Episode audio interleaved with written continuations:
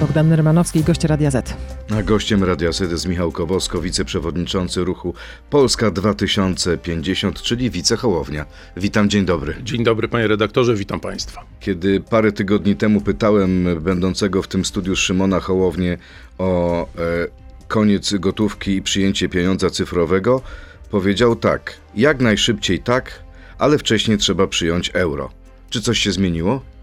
No, ja przypomnę, że to była tak zwana szybka piłka u pana redaktora, słynna pozycja, w której polityk musi odpowiedzieć w ciągu trzech sekund e, tak czy nie na pytania, które często wymagają dłuższej jednak e, odpowiedzi.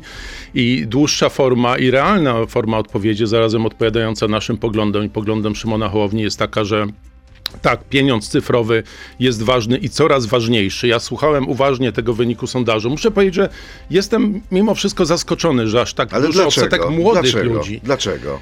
Może ludzie y, młodzi mają y, dobrą intencję, że posiadanie gotówki to jednak y, poczucie pewnej własności i wolności. No jest to, myślę, że ten drugi aspekt jest, e, jest tutaj ważniejszy, bo z gotówką wiemy, no w czasach wielkiej inflacji z gotówką jest tak, że mamy w kieszeni pieniądz, ale jutro okazuje się on być o, o wiele mniej warty, jeżeli on, jak to się mądrze mówi w języku ekonomii, nie pracuje A może ludzie młodzi mają poczucie, że jednym kliknięciem w komputerze możesz skasować pieniądz cyfrowy? E, Może Myślę, że ludzie młodzi mają dużo większą świadomość tego, no bo to są ludzie, ludzie młodzi po prostu żyją w internecie, żyją w, e, w mediach społecznościowych, żyją także przy transakcjach, czy biorą udział w transakcjach online'owych, internetowych. A gdyby Wiedzą, dzisiaj was zapytali, jakie jest stanowisko Polski 2050?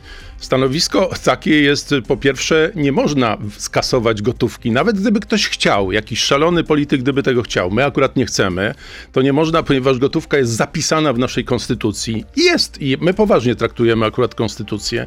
Jest w ustawie o Narodowym Banku Polskim, więc po pierwsze, to nie wchodzi w grę z przyczyn prawnych. Po drugie, e, uważam i trzeba uspokoić tych, którzy może drżą, czy nie są pewni też naszych przekonań. Absolutnie nie jesteśmy za tym, żeby skasować gotówkę z obrotu, nawet gdyby to było prawnie możliwe. E, pieniądz cyfrowy powinien być dostępny dla ludzi i ja się tego nie wstydzę. Tu przedstawiono mnie, że lata temu, długie lata temu, napisałem książkę o plastikowych pieniądzach. Tak, pieniądz cyfrowy, karty płatnicze są, e, są bezpieczne w ogromnej, w ogromnym stopniu, tak bym powiedział. Nigdy na 100%. W czasach hakerów nigdy nie są. na 100% czy na 200% pewne, ale są bardzo wygodne, są rzeczywiście e, pewne, są szybkie. No, y, my widzimy z badań, że 65% Polaków w tej chwili wybiera pieniądz cyfrowy jako ten.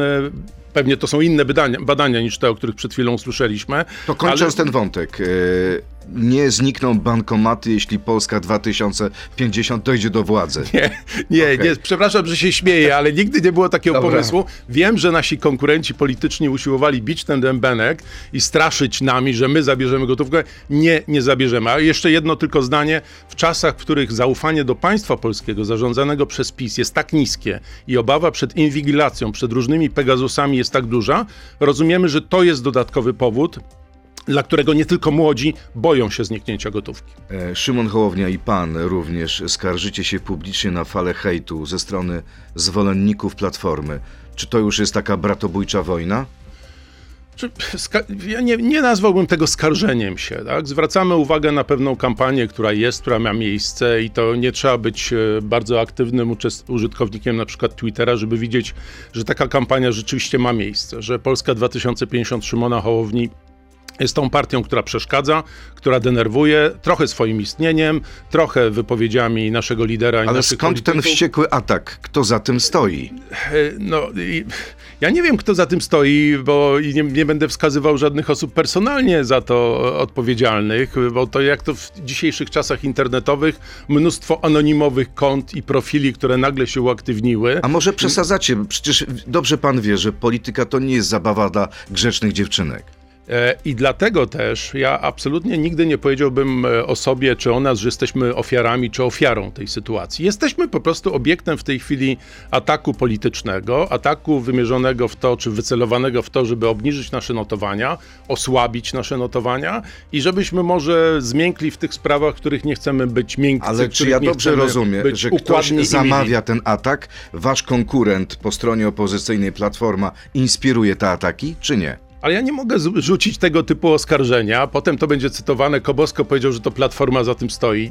Oczywiście, że zawsze jest ktoś, kto może zyskać potencjalnie na atakowaniu. A może nas, to jest ale... po prostu spontaniczna reakcja na to, co mówi Szymon jakaś, Hołownia. Szczę- jakaś część, ale oczywiście, że to jest rynek polityczny, są politycy i są odbiorcy. Każdy ma swoje poglądy, każdy ma swoje emocje. Te emocje w tym roku będą ogromne w kampanii. One już są na bardzo wysokim poziomie. I ja rozumiem, że części odbiorców, szczególnie wyborców Platformy, bo tak to widzimy z reakcji publicznych, tych, które są pod nazwiskami, części wyborców Platformy nie podoba się to, co mówimy, czy jak działamy, czy jak funkcjonujemy, czy jaki mamy stosunek do słynnej jednej listy. I wyrażają te swoje emocje. Czasami Zarzucił- przekraczają poziom taki, który chcielibyśmy widzieć w debacie publicznej, tak żebyśmy wszyscy czuli się w Polsce bezpiecznie. Zarzucił też pan Gazecie Wyborczej publikację Ścieku Nienawiści. Przyjął pan jej przeprosiny?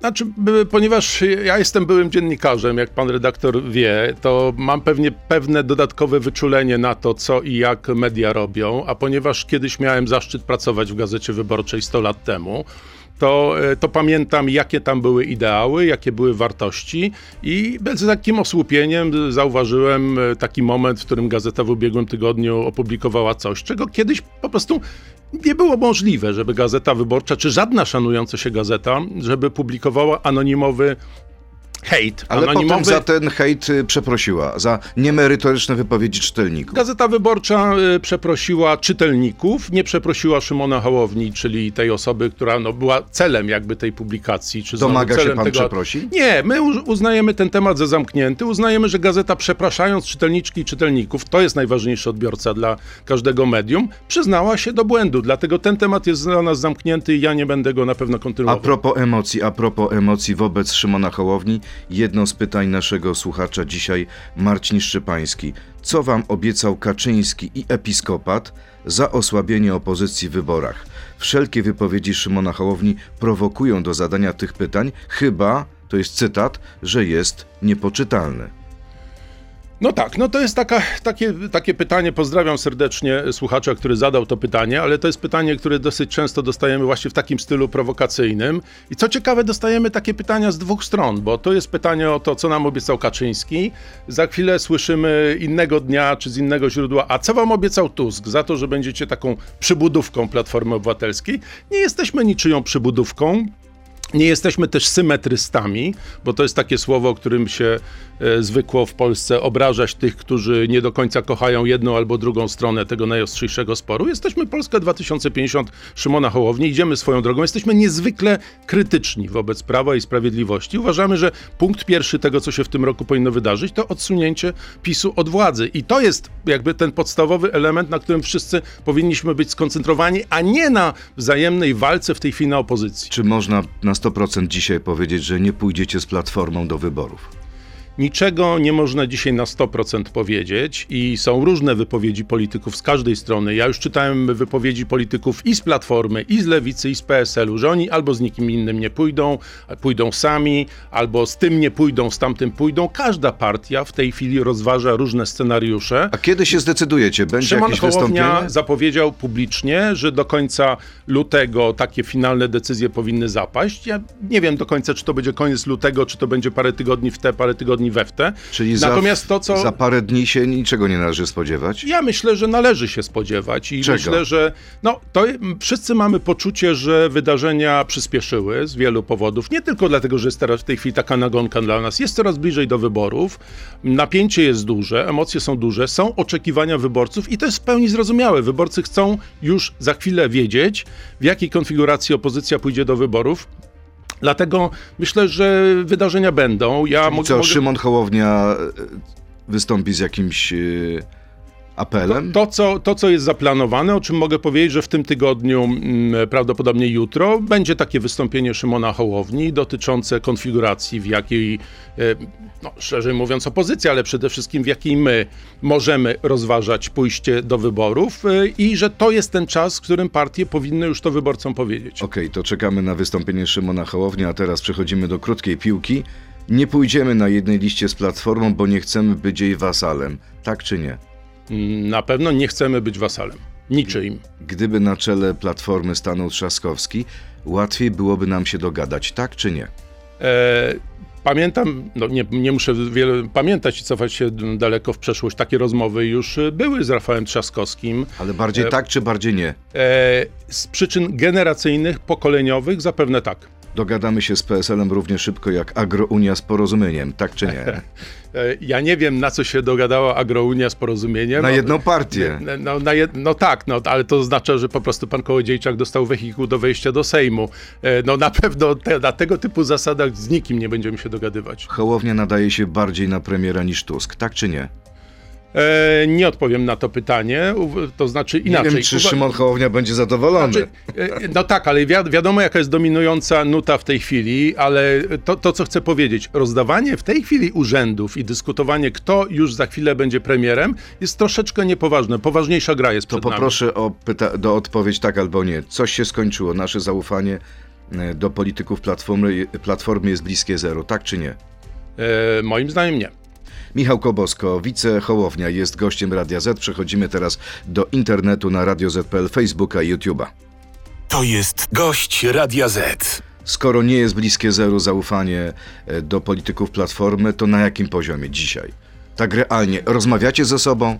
Oczywiście, że ze sobą rozmawiamy. Wszyscy ze sobą rozmawiają i rozmawiają liderzy czterech e, bloków e, opozycyjnych i rozmawiają politycy. Nic się nie ucięło, nie urwało, bo czasami jest taka, e, jak słyszę, taka atmosfera, że o, już się wszyscy pokłócili, nie rozmawiają. Nic takiego nie ma miejsca. Wszyscy sobie zdajemy sprawę, że piłka jest w grze, mówiąc językiem sportowym, że decyzje będą z jednej strony trudne, ale z drugiej strony wymagają naprawdę odpowiedzialności, takiego poczucia, że od tego co zdecydujemy i jak zdecydujemy, będą zależały, mówiąc dużymi literami, losy Polski. Będzie zależało to, czy my jesienią pójdziemy w lewo, czy pójdziemy w prawo. Nie mówię tutaj o kierun kierunkach ideologicznych, tylko że to jest taki jak rozjazd kolejowy. Nie ma trzeciej drogi. My albo pójdziemy drogą taką, że chcemy się rozwijać jako kraj, chcemy być częścią Europy, chcemy być ważnym krajem, poważanym, szanowanym, który umie budować koalicje międzynarodowe nie tylko w sprawach ukraińskich, czy też idziemy w stronę wystąpienia z Unii Europejskiej, takiego zamknięcia się we własnej skorupie, odgrodzenia się od innych,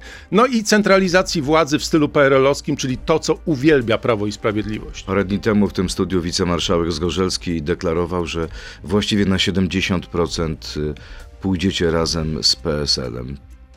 Pan również na tyle ocenia te szanse? Ja się nie będę bawił w procenty, bo nie wiem na jakiej podstawie pan marszałek akurat powiedział, że 70%. Ja bym powiedział, że jest duże prawdopodobieństwo, zdecydowanie większe niż 50%, że jakieś sojusze będą na opozycji, że my będziemy częścią jakiegoś sojuszu. Ja powiem szczerze, uwielbiałbym to, gdybyśmy sami poszli do wyborów. Jesteśmy inną partią niż trzy pozostałe, jesteśmy dużo młodszym ugrupowaniem, mamy konkretne pomysły, mamy program, który przecież publikujemy publicznie, choćby na stronie Strategii 2000 Uwielbiałbym, ale...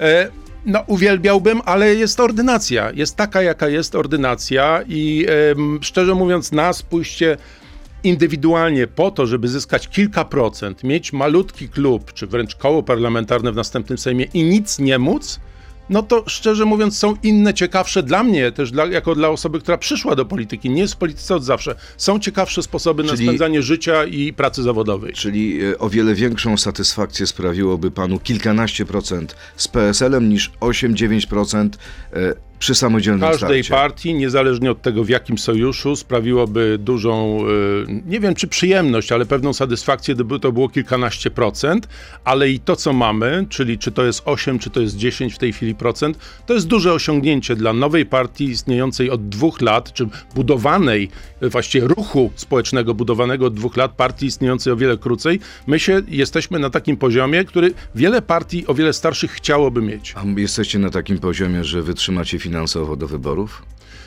My prosimy ludzi cały czas o wsparcie. Działamy w oparciu o te pieniądze, które, które do nas trafiają. Mówię tutaj o ruchu, o ruchu społecznym, o naszym stowarzyszeniu, o naszym instytucie. Partia My jako partia możemy mieć tylko pieniądze ze składek i z darowizn osób fizycznych w sposób e, w regułach opisanych w ustawie o partiach politycznych. Nie no, sponsoruje was żadna szara eminencja, jakiś magnat ale finansowy? Po, po, po pierwsze, y, jeszcze raz powtórzę, jest ustawa o partiach politycznych. Partia może dostawać pieniądze od osób fizycznych, w lim, ale w limicie, to jest chyba w tym roku około 52 tysięcy złotych rocznie Niczego od jednej nie dostaje osoby. się pod stołem w żadnej Ale, walizce? ale jakim cudem? Przecież pan redaktor doskonale wie, że wszystkie możliwe kamery, mikrofony i tak dalej są wycofane, są wycelowane w naszą stronę.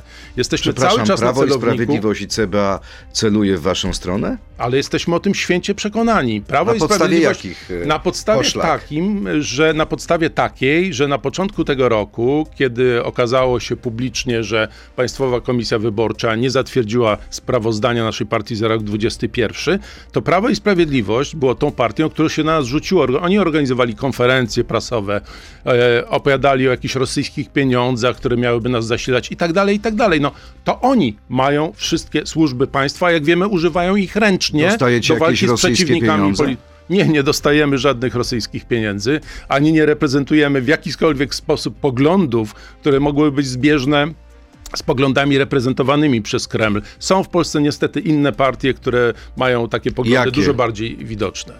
No, kiedy w ubiegłym roku ludzie pisali cyrylicą nazwę Konfederacja, to ja to w pełni rozumiałem, taki głos oburzenia, bo jeżeli ktoś zgłaszał w bardzo otwarty sposób poglądy, jeśli nawet nie otwarcie prorosyjskie, choć i takie słyszałem, ale bardzo antyukraińskie, w realiach, kiedy mamy wojnę tuż za drzwiami, kiedy my jesteśmy zagrożeni, jesteśmy następnym daniem w tej potrawie, którą, w tym posiłku, który Putin chciałby zgotować nam wszystkim, no to wtedy człowiek ma prawo się bać. Ma prawo się naprawdę bać, jeżeli takie partie, a przecież to jest środowisko otwarte, które o tym mówiło otwarcie, a jest wiele środowisk, które są infiltrowane, które są pod wpływami rosyjskimi i to Rosja będzie zainteresowana destabilizacją kampanii wyborczej w Polsce. Nie boi się pan procesu ze strony posłów Konfederacji?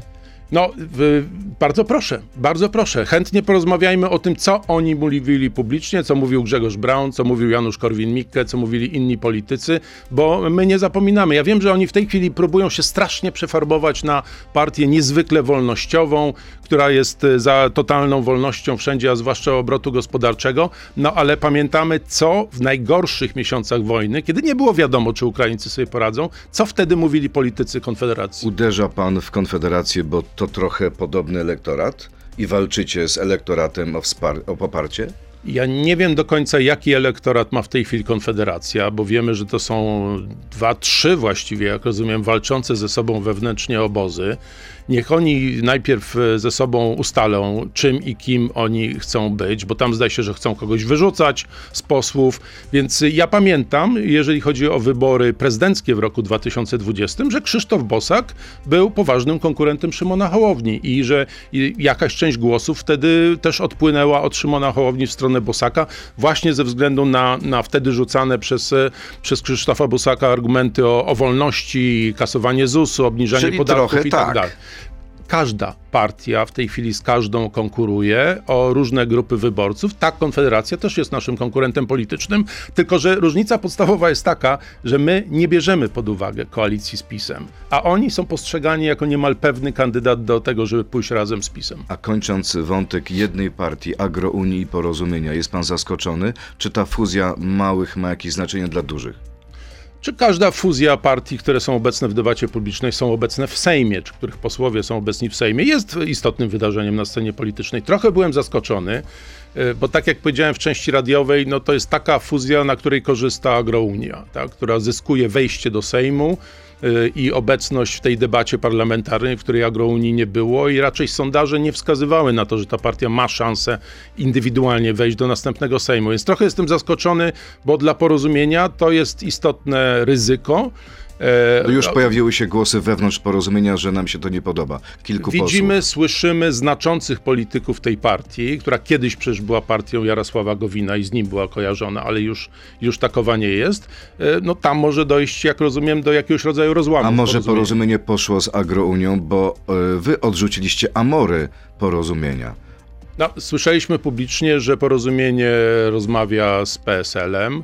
E, I pewnie takie rozmowy z nimi były. Z nami były wstępne rozmowy. My uznaliśmy, że na tym etapie, e, no, w dużym stopniu ze względu na to, że porozumienie, jak powiedziałem, było partią Jarosława Gowina, to nie jest polityk, z którym e, chcielibyśmy być choćby na jednej liście, bo, bo po prostu za długo wspierał Czyli powiedzieliście nie. rządy. E, powiedzieliśmy nie, nie zamykając żadnej drogi, tak jak powiedziałem panu redaktorowi przed chwilą, że nie zamykamy w tej chwili drogi z żadnym, do, wyobraża- do rozmów z żadnym Do ugrupowaniem. wyobrażenia jest taka czwórczłonowa koalicja Szymon Hołownia, PSL, Agrounia i Porozumienie? No, duża ekwilibrystyka to musiałaby być. Ja powiedziałbym, że w tej chwili myślę, że rozmowy koncentrują się między tymi cztera, czterema głównymi siłami opozycji demokratycznej i to tu muszą zapaść decyzje. Dobrze, to teraz pora na pytania od naszych y, słuchaczy. Paweł Jurkowski. Opozycja nie chce likwidacji rozdawnictwa. Po co więc na was głosować, skoro wasz program nie różni się niczym od PiSu, a oni przynajmniej gwarantują kontynuację? Macie coś do zaoferowania poza antypisowską retoryką? No, ja się niestety obawiam, że rzeczywiście PiS e, kontynuuje, e, czy gwarantuje kontynuację, przy czym to będzie kontynuacja razy dwa, razy trzy albo razy cztery, gdyby PiS wygrał. To byłoby już totalne pójście w kierunku węgierskim. Oferujecie coś więcej niż antypisowską retorykę. No, y, po pierwsze, trzeba uporządkować państwo i mówię to poważnie, i trzeba się dowiedzieć, jaki jest realny stan budżetu państwa, bo dzisiaj przez kreatywną księgowość, ukrywanie długu, my nie wiemy realnie, jak bardzo zły jest stan tego prawdziwego budżetu państwa. Dopiero jak po drugie, zobaczycie, y, ustosunkujecie się do programu nie, socjalnego? Nie, kiedy mówimy, że PiS rozdawnictwo, no to oczywiście mowa jest o 500 plus i czy, czy 13, 14 dodatkach do emerytur. Utrzymacie ale- to czy nie? E, nie, tego typu, e, to znaczy pyta pan, czy te programy, Tak, które istnieją? oczywiście. No nie ma żadnych szans, nie ma żadnych realnych możliwości, by jakakolwiek partia w tej chwili odbierała te pieniądze, które są ludziom Gdybyście przyznawane. powiedzieli o tym, My to byście nie wygrali wyborów, tak? My chcielibyśmy, żeby emeryci dostawali rozsądne pieniądze, ale nie jako takie ochłapy rzucane przed wyborami, jako dodatek trzynastka, czternastka, nazywane nieprawdziwie trzynastą czy czternastą emeryturą. To jest kwestia zreformowania całego systemu, ale kiedy, jedno zdanie, bo tu słyszymy, PiS będzie kontynuował rozdawnictwo. PiS kontynuuje rozdawnictwo dla swoich. To, co w tej chwili wychodzi na światło dzienne dzień po dniu, dzień po dniu, to jest to, że oni rozdają swoich. Jeśli to- przejmiecie władzę, zmienicie prawo, które zezwala na przekazywanie resortowych milionów na fundacje, które potem mogą za to kupić sobie nieruchomości? Tylko, że Bo pan to działanie pana mówi- ministra Czarnka jest zgodne z prawem. No tak, oni tak najpierw zmieniają prawo, żeby potem minister mógł praktycznie ręcznie decydować o tym. Nawet y, mimo tego słyszeliśmy, że, że komisja stosowna była przeciw. Jasne, ale czy zmienicie pieniędzy. to prawo? Jak dojdziecie do, do, dojdziecie do władzy? E, Nie wiem, czy to jest bardziej zmiana prawa, czy zmiana, funkcjo- zmiana funkcjonowania poszczególnych ministerstw, poszczególnych agent rządowych. To wszystko jest do przejrzenia. Tego typu rzeczy, jakie się w tej chwili odbywają, bo to nie tylko Czarnek, to także premier Gliński, podległe mu fundusze. Dzisiaj o tym pisze prasa. To jest wierzchołek góry lodowej. Oni w tej chwili rozdają pieniądze na potęgę właśnie dlatego, że liczą się tak poważnie z porażką w tegorocznych wyborach, że ch- chcą się zabezpieczyć, chcą mieć polisę. Kolejne pytanie. Łukasz Kacefirek. Czy Polska 2050 rozważa wystawienie pani Katarzyny Pełczyńskiej-Nałęcz jako kandydatki na premiera bądź prezydenta? Nie wiem, czy słuchacze mi uwierzą, ale nie dyskutujemy w tej chwili o personaliach. Naprawdę, to jest takie. Ja już słyszałem z miasta, że, że jakieś partie opozycyjne już decydują, kto będzie ministrem tego, ministrem tamtego, kto będzie premierem. A pan nie Także, chciałby być w rządzie?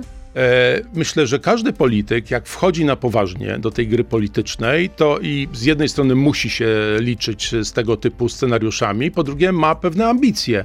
Jak ktoś panu redaktorowi powie, że nie ma takich ambicji, no to albo fałszywa skromność, albo To jakiś... jakie ambicje, jeśli chodzi o resorty, ma Michał Kowalsko? E, chciał- Jakim resortem pan by chciał się zająć? Chciałbym być ministrem wszystkiego najlepszego. To znaczy, chciałbym być ministrem takiego resortu, w którym naprawdę będą wprowadzane zmiany, które ludzie poczują i poczują w swojej kieszeni, i poczują w takim generalnym e, nastawieniu do życia i wiary w to, że państwo wie, co robi. W tej chwili ludzie mają absolutnie poczucie, że państwo nie wie, co robi. Kolejne pytanie. Nie premier. W 2022 roku 2031 dzieci targnęło się na swoje życie. Nie miały szansy dostać się do psychiatry, bo od czasów rządu PO-PSL aż do rządów PiSu co 6 lat przybywa około jedynie 90 lekarzy z pierwszym stopniem specjalizacji. Nie interesuje mnie jedna lista. Interesuje mnie wasz sposób pomocy tym dzieciom. Na CITO.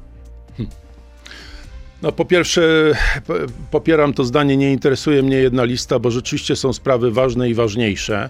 E, to są wstrząsające dane, bo ja też te dane prześledziłem. O ile podobno liczba samobójstw generalnie w Polsce się zmniejszyła w ubiegłym roku, to jeśli chodzi o dzieci, osoby nieletnie, jest dramatyczny wzrost. On się bierze w bardzo dużym stopniu z tego, że nie ma opieki, nie ma odpowiedniej opieki i w szkołach i opieki dotyczącej no, relacji domowych, tak to powiedział, relacji rodzinnych. My mamy obfity, bogaty program dotyczący reformy ochrony zdrowia jeżeli chodzi o kwestie dotyczące psychiatrów, w tym szczególnie psychiatrii dziecięcej, to jest dla nas jeden z kluczowych elementów. To znaczy musimy zrobić absolutnie wszystko, żeby zwiększyć liczbę psychiatrów, specjalistów w miarę jak rosną potrzeby, a one rosną dramatycznie. Nasze dzieci są dzisiaj pod gigantyczną presją. Da się to zrobić z y, roku z na piątku, rok? Z piątku na poniedziałek? Nie, nie da się tego zrobić e, z piątku na poniedziałek. Czy da się to zrobić z roku na rok? Da się wiele zrobić, żeby zachęcić ludzi do pracy w tym zawodzie, bo dzisiaj zniechęcani są do pracy w publicznej ochronie zdrowia. Kolejne pytanie tego samego słuchacza. Powszechnie znana jest wręcz obelżywa narracja Tomasza Lisa wobec Szymona Hołowni Polski 2050. Czy sądzi pan, że powodem jest to, że 22 stycznia 2013 zastąpił pan na stanowisku naczelnego wprost Tomasza Lisa? Hmm. No, trochę prehistoria i na pewno dla naszych słuchaczy. Tak, rzeczywiście tak było, że w tygodniku wprost zastąpiłem, czy byłem redaktorem naczelnym po Tomaszu Lisie. Proszę wybaczyć, panie redaktorze, ja postanowiłem już jakiś czas temu i jestem konsekwentny, nie komentować publicznie działań mojego następcy i, i, i, i, kiedyś e, bardzo poważnego dziennikarza i osoby, która przecież miała swoje własne ambicje polityczne. Dzisiaj jest zupełnie gdzie indziej i różne też zastrzeżenia i zarzuty się wobec niego pojawiały, ale ja nie chcę tego komentować, bo właśnie mogłoby to być na przykład odczytany jakiś osobisty rewanż czy osobiste porachunki za czasy odległe.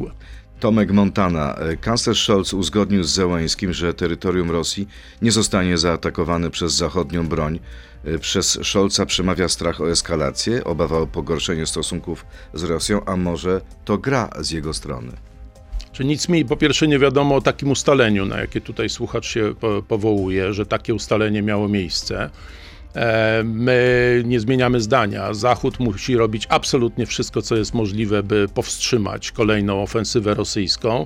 Te dostawy, zapowiedziane dostawy czołgów, to słuszna decyzja. Powinny także nastąpić dostawy samolotów e, bojowych i to wszystko będzie, tylko to wszystko na razie idzie zbyt wolno. Te czołgi też nie pojawią się w przyszłym tygodniu, bo widzieliśmy wczoraj pierwszy kanadyjski czołg, który leci na Ukrainę, no ale tych czołgów są potrzebne setki, bo to będą decydujące, naprawdę decydujące decydujące tygodnie e, tej wojny. Wiemy, że zdymisjonowany został Oleksij Reznikow, ukraiński minister tak. obrony. W tle jest afera korupcyjna w wojsku. Czy Kijów wkracza w najbardziej niebezpieczną fazę wojny? No to, to, są, to są, powiedziałbym, dwie to, to rzeczy są ze złe, sobą. Bardzo złe informacje. Tak, to są złe informacje. Reznikow y, był i jest jedną z kluczowych postaci i także twarzy dla Zachodu, partnerem Zachodu do, do rozmów o dozbrajaniu Ukrainy. No tylko za Ukrainą ciągnie się to, co nie zostało rozwiązane przed wybuchem wojny, czyli poziom korupcji państwa, taki poziom, którego w Polsce nigdy nie widzieliśmy po 1989 roku. Trudno w czasie wojny walczy się z korupcją, która przecież tworzy nowe szanse szanse, nowe możliwości, żeby komuś dawać w łapę i to, i to, i to gigantyczne kwoty. Czy to ja może zablokować wiem, szybki akces Ukrainy do Unii? To jest jeden z podstawowych problemów i hamulców i powodów, dla którego w piątek na szczycie Unia-Ukraina w Kijowie nie zapowiedziano konkretnej daty wstąpienia Ukrainy do, do Unii Europejskiej. Ukraina musi się znaleźć prędzej czy później w Unii Europejskiej. Jest w Europie jest też w naszym interesie, żeby się w Unii znalazła. No ale po pierwsze, oni muszą swoje państwo uzdrowić, jego funkcjonowanie, co jak powiedziałem, w realiach wojny jest bardzo trudne, ale w realiach, mam nadzieję, pokoju, który nastąpi możliwie możliwie szybko, na warunkach właściwych dla państwa ukraińskiego, będzie konieczne zreformowanie i, i no, ukręcenie łba tej hydrze, która jest nieszczęściem dla Ukrainy. I ostatnie pytanie. CBA zatrzymało Rafała Baniaka, a sąd wsadził go na trzy miesiące aresztu. Zarzuca się mu przyjmowanie łapówek za manipulacje przy wyborze firm śmieciarskich w Warszawie. Pana zdaniem to jest sprawa polityczna czy kryminalna? Nie znam szczegółów tej sprawy, trudno mi się do niej odnosić. Byłem zaskoczony aresztowaniem pana Baniaka, który jest znaną postacią. Nie tylko, że jest byłym ministrem, wiceministrem skarbu, ale jest szefem jednej z największych organizacji pracodawców w Polsce. Mieliśmy już takie aresztowanie podobne kilka miesięcy wcześniej, kiedy pan Maciej Witucki, szef Lewiatana, czyli innej organizacji aresztowany. Jesteśmy zawsze podejrzliwi, bo musimy być, bo to już są lata doświadczeń, kiedy CBA kogoś e, zatrzymuje, zamyka, wiezie przez pół Polski na przesłuchanie, więc e, nie wypowiadam się na temat merytoryki sprawy, bo jej nie znam, ale co do ostrożności, sceptycyzmu wobec działań CBA, szczególnie w roku wyborczym, no muszę powiedzieć, że, że taki sceptycyzm mam. Osobiste poręczenie za Rafała Baniaka złożył kardynał Nycz. Czy pan Bardzo ważny fakt. Czy pan by zrobił coś podobnego? Ja nie zostałem poproszony.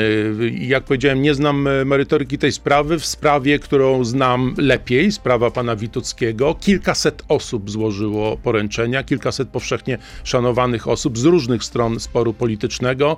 Myślę generalnie, że zatrzymywanie ciąganie na przesłuchania i właśnie potem zatrzymywanie na kilka miesięcy osób, które są publicznie znane, które publicznie działają i które nigdzie się nie ukryją, bo ich twarz, ich nazwisko jest znane, no nie jest dobrym pomysłem w kraju demokratycznym. Bardzo dziękuję za rozmowę. Gościem Radia Z był Michał Kobosko, czyli wicechołownia i kto wie, być może przyszły minister do spraw wszystkiego najlepszego. Wszystkiego najlepszego dla słuchaczy. Dziękuję Miłego bardzo. dnia. Wzajemnie. To był gość Radia Z. Słuchaj codziennie w Radio Z i na player radioz.pl.